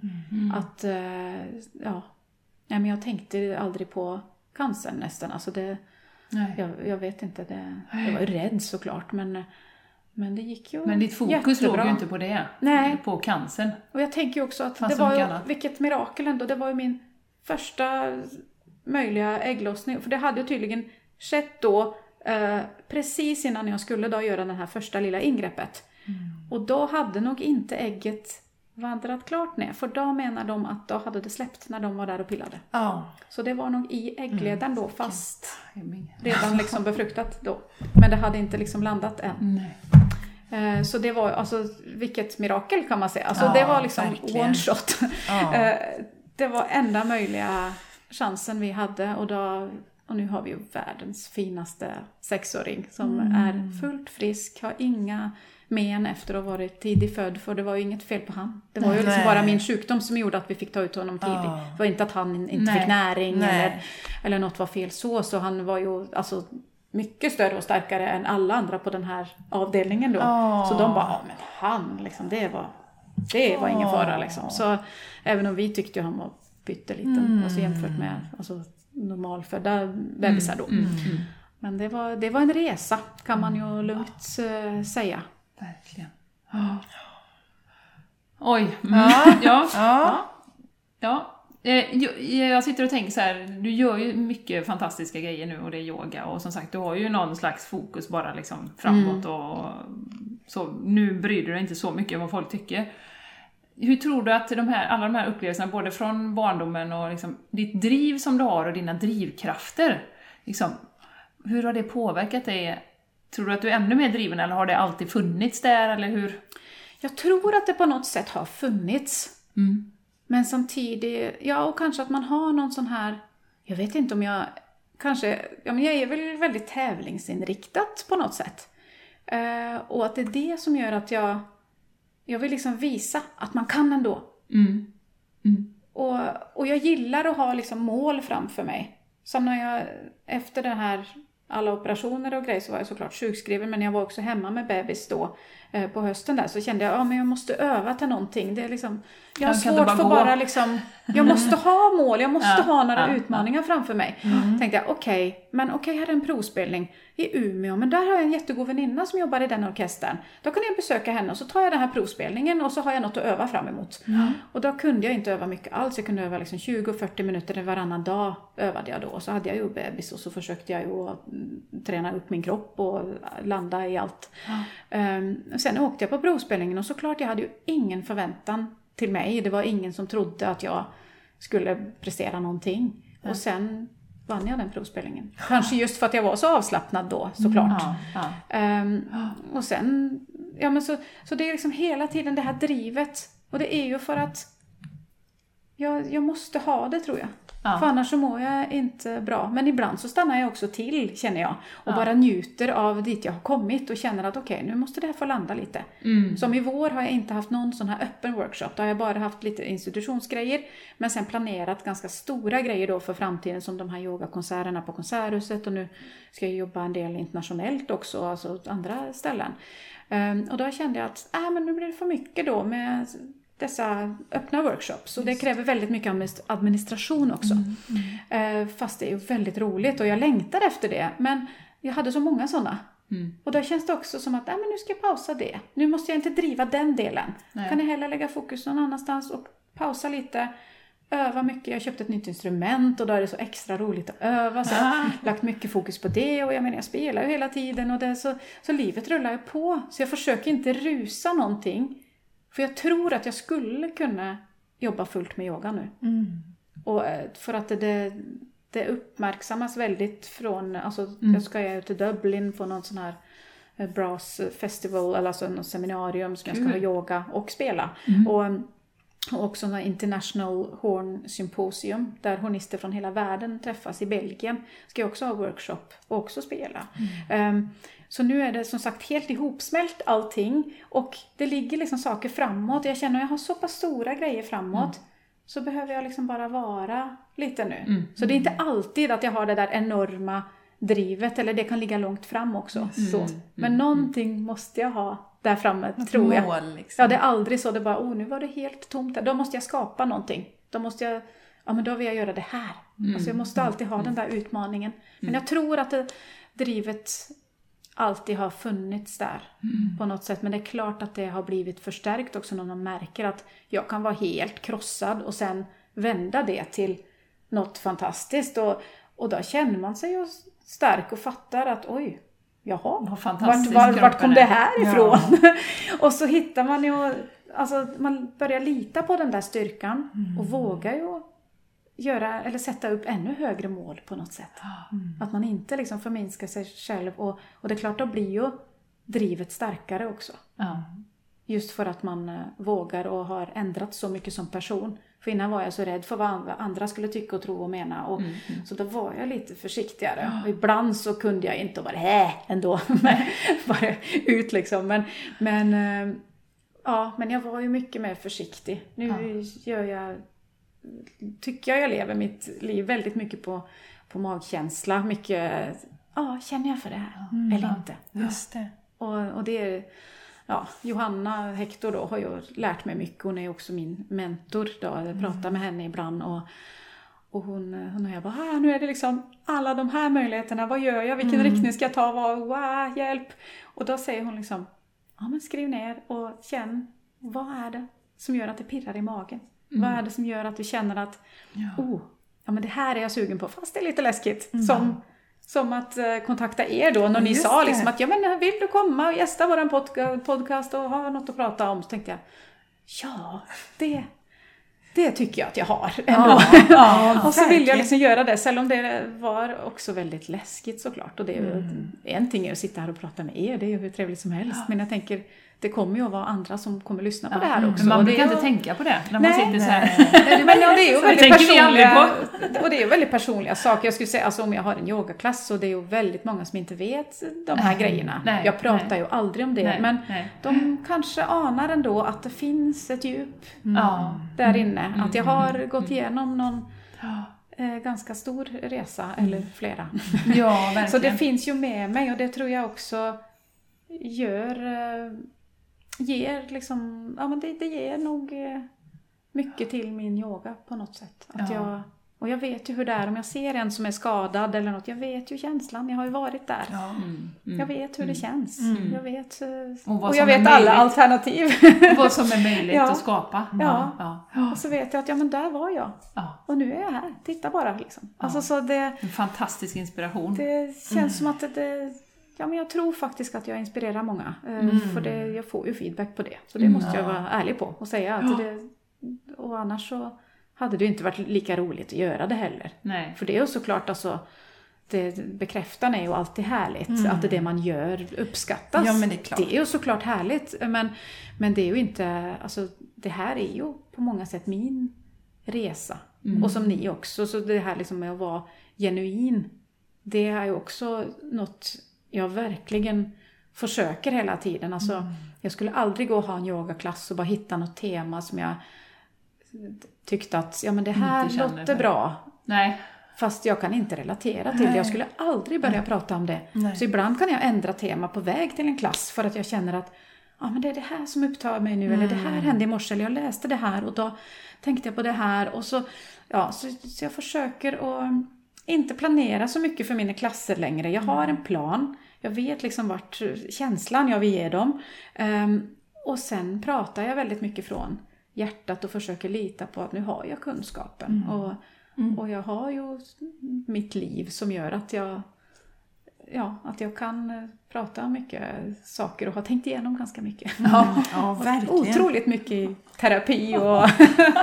ja. Ja. Eh, eh, om du skulle prata med någon som aldrig har yogat förut. Mm. Eh, Hur skulle du beskriva de största vinsterna med att yoga regelbundet? Du har ju nämnt några saker här. Med, det verkar som din rädsla har försvunnit och att du kan känna dig lite modigare efter du har gjort eh, inversioner. ja. Är det något mer sådär som du känner att en regelbunden yoga för att sälja in yogan till någon Ja. som inte har testat det? Ja, jag träffar ju väldigt många som inte har testat, eh, av musiker och, och sånt. Och, eh, jag tror att för det första, har du aldrig testat så tror jag du kommer få ännu mer effekt. Så då är det ju verkligen värt att prova. För jag tänker, nu får man ju inte alltid kanske de här jättestora upplevelserna när man är så inne i det. Så det kan man längta efter ibland och vara nybörjare. Och få känna att liksom, okej, jag är lite vilse. Och så fort man hittar så bara, oj! Och så känner man liksom den känslan. Men det är ju, alltså jag tycker ju känslan i kroppen och huvudet, den här friheten i kroppen och friheten i sinnet. Det tror jag, det tror jag är kanske något av det finaste man upplever. Och jag skulle säga att bara, som jag säger, brukar säga till mina musiker också, fem minuter, någon liten stretch eller två minuter, ibland kan det räcka till att du känner jätteeffekt. Och gör du det då varje dag och sen kanske ut, utöka lite då och sen får du kanske in något pass, eh, gå på något pass eh, två gånger i veckan och, och sen börjar det komma mer och mer och, och sen får man in det i livet, inte bara på mattan också. Och jag tror det är liksom de där små stegen. För har man något mål om att börja med yoga och så ska man gå, jag ska gå tre gånger i veckan på 90 minuters pass. eh, Då kanske man satsar för högt också. Så jag skulle säga börja med kortare pass som man hittar på Youtube eller, eller eh, på någon, någons Instagram eller något. Eh, Kortare pass och bara känna, känna in lite så tror jag ja, men bara det kan få väldigt effekt. Men jag känner ju alltid, jag känner mig ju längre. Jag har ju blivit fyra centimeter längre också Oh, efter wow. yogan och bara fått bättre hållning Ja. och, och skapat mera plats i kroppen helt enkelt och, s- och styrkan av att hålla mig uppe. Eh, Så, så mycket, men jag känner ju alltid som efter yogan så åh, man känner sig lite längre, man har lite stoltare hållning. Man eh, vågar ta emot världen på ett annat sätt. Så jag känner mig så mycket modigare alltid. Så jag, det är liksom, alltså jag, jag tycker ju absolut alla borde yoga och jag tror att världen hade varit en fantastisk plats för alla om alla hade yogat. Ja. Alltså, ja men på riktigt. Och jag känner ju nu hur jag har liksom tagit det från att det var bara, jag gick på ett pass, där var yoga. Nu är det med mig överallt. Som Ja. i morse så skulle jag skriva en handlelista för jag ska handla efter, alltså på väg hem Ja, efter det här. ja. Och då har, i ne- nedersta lådan då skulle jag kolla vad har vi för grejer liksom. Och då stod jag plötsligt en krigare 3 där och letade. Och, och sen Sträck ut liksom benet jag- bakom. Och sen liksom skulle jag stänga lådan då med benet och, och sen lyfte jag upp och sen plötsligt var jag liksom inne i något lite yogaflöde där. Och sen fick jag ut å andra sidan då för att jag hade, så fick jag, ja men jag tittar en gång till och så, du vet, man bakar Ja. in yogan Man kan ju stretcha när som helst. Man städar duschen till exempel och passar man på att Ja, stretcha lite. Man precis. böjer sig framåt Ja. eller man ska leta något längre ner. Så Ja, just- Lite rak rygg och så stretchar man baksidan. Och just den där medvetenheten i allt man gör. Att jag har med andetaget. Ja. Och just att då gör jag en medveten rörelse istället för att bara ner där och, och liksom rota i, i lådan med, med någon dålig, konstig vinkel för ryggen. Och det är så lätt att man gör sådana grejer. Men jag försöker liksom göra allt lite mer medvetet och långsammare. Och det är ju också en jätteeffekt av yogan. Och det ser man ju också efter, har man haft folk på ett pass efteråt folk bara, ah, de rör sig lite långsammare, lite smidigare, alltså mer Eh, Ja, det är, det är svårt. Medvetet. Ja, mer medvetet helt landar, enkelt. Man landar mer i kroppen. Ja. Vi, ser ju, vi har ju det här programmet Skapa det liv du vill ha som vi har några kvinnor som går. Och de gör ju då yoga regelbundet nu. Och det är inte mycket de kör. Det kanske är 10 minuter, en kvart, 20 minuter på morgonen. Och det har gjort jättestora förändringar i deras liv. Mm, mm. Ja, det är härligt att se. Ja, och det är ju, alltså jag har ju så många musiker också som, som har gjort eh, ja, men små pass de har fått av mig och känner jättestor skillnad och de har ett ont i handled, det är borta. Det, Ah. Alltså för att faktiskt använda handleden. Ja. Det är ju det att det har varit för stilla. Ja. Det kommer inte nytt blod till, bara- det blir för statiskt. Och, så, och så får man ont och så håller man det ännu mer stilla. Eh, och det vill jag, det är därför jag håller på med musikyogan och yogan också, att jag vill sprida det. Det är därför jag sitter här idag, för att jag vill att folk ska veta att det finns så många möjligheter och att allt i kroppen det kan ändras. Det, alltså, jag lärde det på Elaine de Sousas Ja. eh, utbildning som jag var på för eh, någon månad sedan. Och hon sa att allt i kroppen förändras ju. Även skelettet. Efter ett år så är alla celler i skelettet utbytt. Och jag har liksom trott att skelettet är sten typ. Ja, Ja. Men det säger ju så mycket om att allt går att ändra. Kanske inte allt såklart, det är ju vissa sjukdomar och det kan jag inte säga liksom. Men, men jag tycker det är en väldigt spännande tanke ändå. Att man ska inte tänka att ja men du vet min höft. Ja, nej, ja, den, jag kommer precis. aldrig Det är ett komma flöde. dit. Jag kommer aldrig komma dit, tänker väldigt många. Ja, jag tror att var, var sjunde år är alla celler i kroppen utbytta. Ja. Så det är jättehäftigt. Och det, det gör ju att man ska liksom aldrig ge upp och man ska Nej, aldrig tänka nej, att nej men du nej. vet min arm vet du, eller min axel. Du förstärker ju bara. Jag är gammal det, nu. Det det, det är Ja. en av mina käpphästar att inte säga att åh, nu börjar jag bli gammal och stel. Jag har ju aldrig heller varit så flexibel som jag är nu. Och så stark och i så bra form eh, som jag känner mig nu. Och, och det är liksom inte ens när jag var 20. Nej. Eh, så, så, det, så är det ju. Ja. Men om vi pratar om det här helhetshälsa, vad är hälsa för dig liksom, i generellt sett? Är det att vara närvarande och det här som du är inne på? Eller vad, hur ser du på Ja, att det är vara väldigt hälsosam? mycket andetaget för mig. Har jag kontakt med andetaget, har jag ett djupt andetag, så mår jag bra. Och när jag inte riktigt har det, så passar jag på att ha det. Så då gör jag andningsövningar, jag får ner andetaget och då mår jag bra. Men det är klart att jag äter ju medvetet. Jag vill ju aldrig begränsa mitt ätande eh, och säga att jag äter inte så eller så. För då är jag, ja men jag tänker liksom med min anorexibakgrund så vill jag inte kopplat till... Ja, jag vill inte säga att jag är vegetarian, för Nej. jag, men jag kanske äter extremt lite kött och många tror att jag är vegetarian. Ja. Just för att de aldrig ser mig äta kött. Och jag kanske är det, men jag vill inte sätta mig i något fack. Nej. Jag vill inte eh, sätta begränsningar då. Men eh, såklart jag försöker att göra, äta hållbart. Ja. Ja. Och också som jag säger att jag försöker eh, dra ner på saker när jag märker att, alltså det är mycket. Det är, jag gör otroligt många saker och reser mycket och har ju en man som är musiker och ett barn på det och det är klart det, jag har troligen någon mastergrad i logistik snart tror jag. Eh, men, men det är så viktigt då att hålla det hållbart. Ja. Och det blir det inte om man bara gasar på och säger ja till allt som är roligt. Det funkar inte i längden. Och det har jag ju känt på flera gånger. Och, och det som händer då är ju att mitt nervsystem här hvor jag är opererat går i lås. Det tror att det är i operation igen. Nu har jag ju märkt de signalerna och känner att så fort det börjar liksom ila så känner jag okej, nu är det för mycket, nu är jag stressad. Så nu känner jag av det och lugnar ner. Men första gången det hände så körde jag bara på. Och sen var det liksom så att jag kunde inte gå på två veckor. Jag vågade knappt andas. Jag fick göra alla möjliga undersökningar på sjukhuset igen. Och jag gick ju in i ett tänk, nu är det cancer överallt, Yes. nu ska jag dö. Ja. Det blev bara alltså, total kris för mig. Och till slut så fick jag liksom morfin så att jag skulle ut och gå för jag måste röra mig för det var ju lymfvätskan, allt hade bara stagnerat.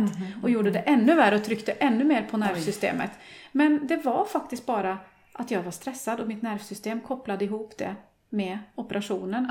Och gick liksom, alltså smärtan, för mig var det en smärta på nio, nästan tio. Alltså jag stod Oj. inte ut alltså. Och, men det var inget fysiskt fel. Spännande. Så det är så spännande hur kroppen kommer ihåg och hur den liksom, där det är mest sårbart. Där triggar den till det. Det är precis som med musiker som, som liksom får problem med läpparna till exempel. Väldigt ofta så kommer ju det från stress. Ja. Det kan såklart vara att de har dragit ut någon visdomstand och drog av en nerv eller alltså att det är fysiska grejer. Men väldigt ofta så är det ju för att det är det område hvor man minst vill att det ska hända. Men det är också det område man använder jättemycket och har väldigt hög press på. Och då är det inte så konstigt att det är där det börjar ila eller domna eller att kroppen säger till. Eller då fingrarna kanske för en pianist. eller, alltså, Du vet, det händer ju ofta där man inte vill det ska hända. Ja, jag tänkte på din cancer där, du som inte ens vågade göra undersökningar liksom. Du hade bara stängt av det här området så kroppen, hallå vi finns liksom. Visade Ja. det. Nej, så det, Väldigt det är tydligt så här. helt, helt sjukt hur liksom intelligent kroppen egentligen Ja, är på något sätt. Och säger från. Och jag har ju lärt mig att lyssna på de signalerna och då lever jag ju ett mer hållbart liv och då kan jag hålla det här tempot just för att och jag kände som igår, då bokade jag in mig på en yogaklass. För jag kände att nu har jag så mycket här hemma att om jag går till min matta och ska göra, så sitter jag snart och övar. Eller svarar Ja. på något mejl. Jag kunde inte, och då vet jag att okej, nu behöver jag gå på en klass, där kan jag inte smita. Nej. Pinsamt. Ja, eller hur? Nej, Gå så upp till fem minuter. så, jag, så det, det är liksom det där jag har lärt mig. Jag har verktygen. Jag, jag kan hantera det väldigt lyssna. mycket bättre. Och lyssna inåt. och det är alltid det det handlar om. Mår jag Ja. dåligt tänker jag att Åh, men nu gör alla det här, nu jobbar alla så. Och varför fick inte jag vara med på den här grejen? Och man känner Ja. sig liksom, jaha, man känner sig utanför. Man är inte del av flocken. Det är jobbigt. Vad gör jag? Jag sätter mig på min matta, Ja. gör yoga, hittar mitt andetag, hittar tillbaka in i kroppen. Ah, tänker bra tankar. Och sen mår jag bra igen. Ja, det är häftigt. Även om jag kan också liksom känna att okej, jag är besviken liksom. Ja. Nu känner jag mig utanför. Okej, Fasen fine. också. Så Skit. känns det. Ja. Okej, det, känns, det känns här. Typ. Eller, alltså, det, eller det känns här eller här. Eller, Att jag, jag känner på känslan och sen så gör jag något jag mår bra av. Och gör man något man mår bra av så, så blir det inte plats med det man mår mindre bra av på samma sätt.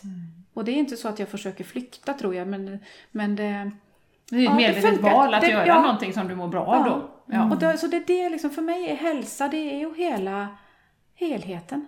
Det är som, som yoga. Liksom. Alltså yoga är ju så mycket, Ja, det är mycket precis, mer än bara det. rörelserna. Ja. Stretcha lite grann. Ja, Ja. det följer med en hela Ja, så tiden. jag tycker hela det här medvetna, ja, medvetenheten och andetaget, Mm. när det är med och att man kan känna efter vad vill jag ha? Vad behöver jag för mat? Mm. Nu behöver jag kanske mera protein, nu behöver jag mera eh, carbs eller alltså att jag, jag kan liksom känna efter sådana saker nu. Så bara, nej, nu vill jag ha detta. Mm.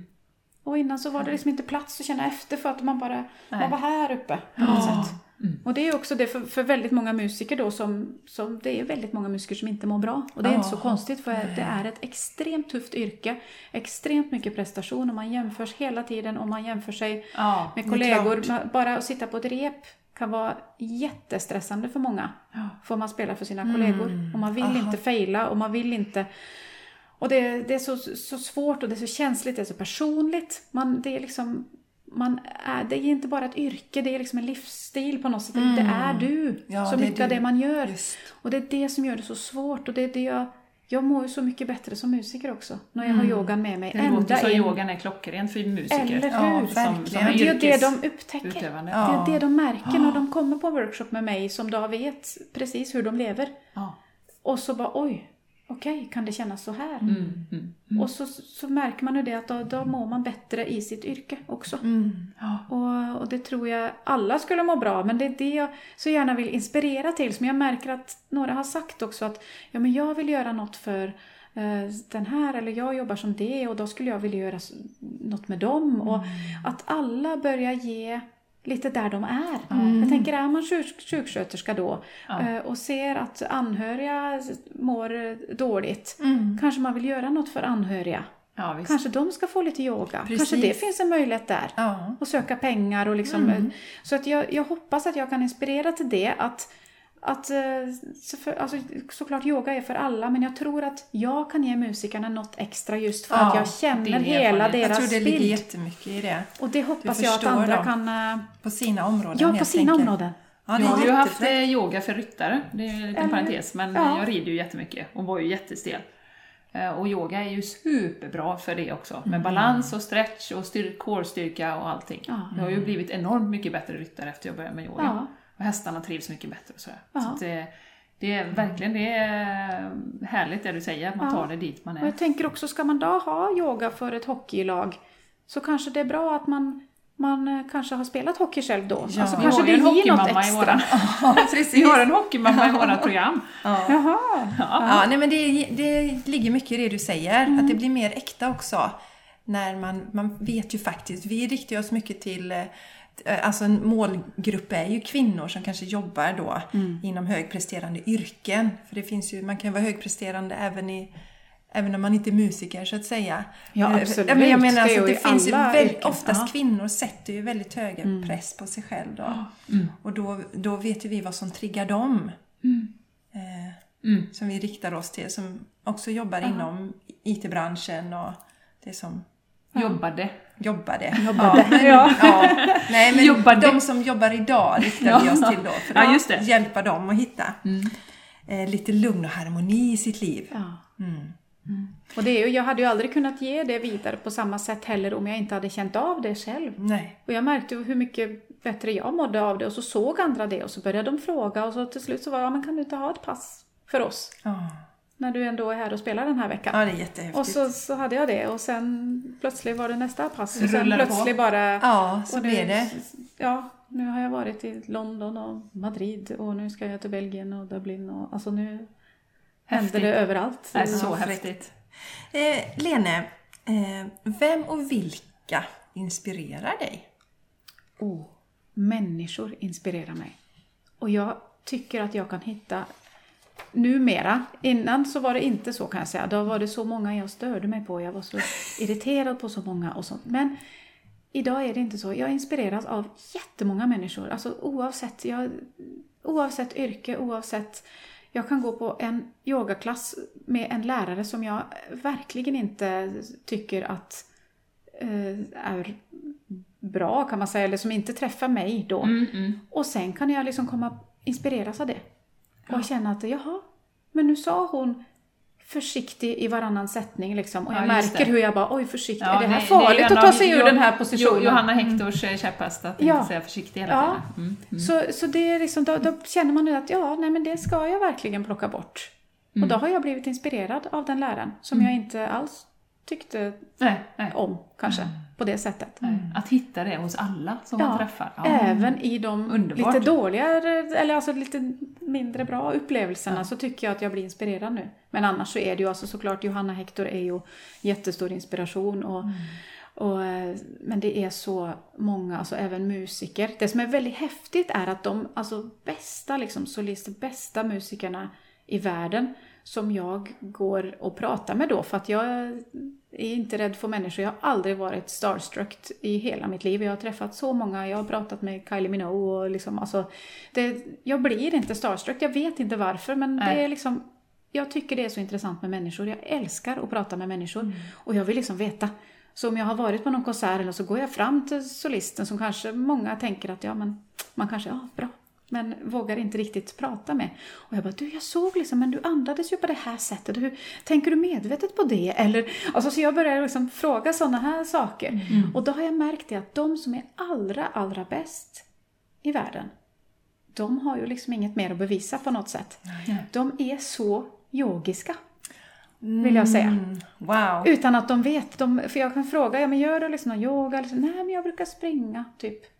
Fast hur tänker du då när du liksom övar på det här sättet? Eller hur du förbereder en konsert? Eller, så kan jag liksom prata med dem och så hör jag att du gör ju yoga. Fast du gör inte asanas. Nej. Nej. Men du gör yoga. Ja. Du gör andningen, du går in i dig själv, du mediterar kanske. Alltså att, och det är så häftigt att då ser man att, och det är därför de är så avslappnade, det är därför de kan prestera på den helt enormt höga nivån utan att Ja. få panik liksom. För det är det som håller många nere. Att, alltså inte att de får panik, men, men jag menar jag, jag, det är något med det, att det är en viss typ av personer tror jag. Ja. Som verkligen kan nå alltså, högst, högst, högst upp. Sen måste ju inte alla, alltså, men det kostar ju otroligt mycket annat och skulle bara Alltså det kostar väldigt mycket, man kan ju inte få allt liksom. Eh, Men eh, eh, så det är ju för väldigt många är ju det inte ens ett, ett mål. Eh, Inte för mig, eller jag gillar att göra lite olika saker också. Det är klart, hade jag lagt allt min tid på, på hornet och inte haft familj så är det klart att då kunde jag kanske haft ett jättebra jobb. Nej men hej! Och det, Nu börjar Sanchez stretcha lite grann här. Ja, tycker- Våran maskot. Ja. Nej, men så det, det tycker jag är så Ja. Intressant. Ja. Det här med, alltså, ja. Verkligen. Ja, ehm, ja Jessica, vad, Ja. Vad, är, vad har vi på tiden här nu? Ja, du som är lite en och en halv timme. Ja. Oj! Så vi, vi kanske ska bara avrunda lite. Jag har aldrig koll på tiden nämligen, det är Jessica Nej, jag har koll på tiden. Ja. Nej, men det är, man blir verkligen fångad av Ja. eh, din historia. Så att det, Jättespännande. ehm, Vi har ju pratat om jättemycket saker. Ja, det har ja, vi det har faktiskt. Så frågan är om vi ska här hoppa på sista. sista ja, Ja, vad, vad, tror du? Mm. Ja. Eh, kan vi göra. Så nu är det ju så här, alltså vi, det, vi har ju supermycket vi har pratat om och täckt in jättemycket. Och om man vill följa dig på sociala medier och så, hur hittar man dig då?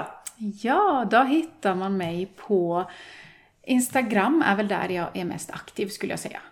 Och ganska mycket på stories, men jag lägger ut post också. Men eh, det är då yogalene.se. För yogalene var redan någon annan. Så yogalene.se, men det är ju även min hemsida också, yogalene.se. Där kan man anmäla sig till mitt nyhetsbrev. Så man, får man veta då när det är yogakonserter och när jag har ja, men olika typer av workshops och ja, när saker händer helt enkelt. Och, Så ja. det är yogalene.se, det är Ja. det man behöver hålla reda på. så Eller hittar man- .com också, men alltså .se är ju lättast Ja, ja. i Sverige då. Ja.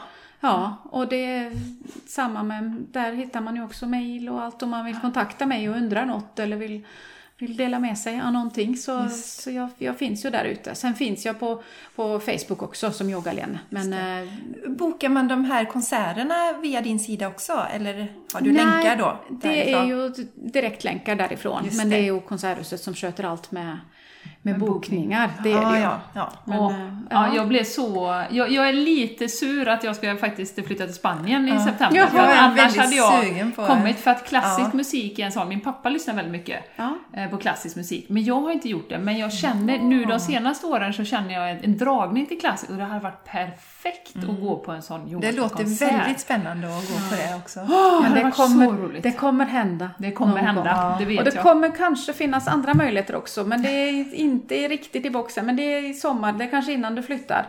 Eh, och kanske lite utomhus eh, också. vad I någon Spännande. park och sånt. Men det är inte riktigt officiellt, så Nej. då får man anmäla sig till mitt nyhetsbrev. Ja, så man så eh, har man koll på, på vad som händer. Härligt eh. Lene. Vi är Ja. så jätteglada att du hörde av dig och att vi har fått träffa dig. Ja. Eh, Stort lycka till med allt du gör och vi eh, hoppas att vi kommer hålla kontakten här nu framöver. Ja, och absolut. Och tack till alla som har lyssnat. Ja, och jag vill bara säga tack, tack, tack för att du tog modet och hörde av dig till oss. Och återigen, om det är någon annan där ute nu som känner, ja men gud, nu blir jag inspirerad, vill också dela min historia, så gör det. För det är så fantastiskt Ja, det är så att roligt. höra.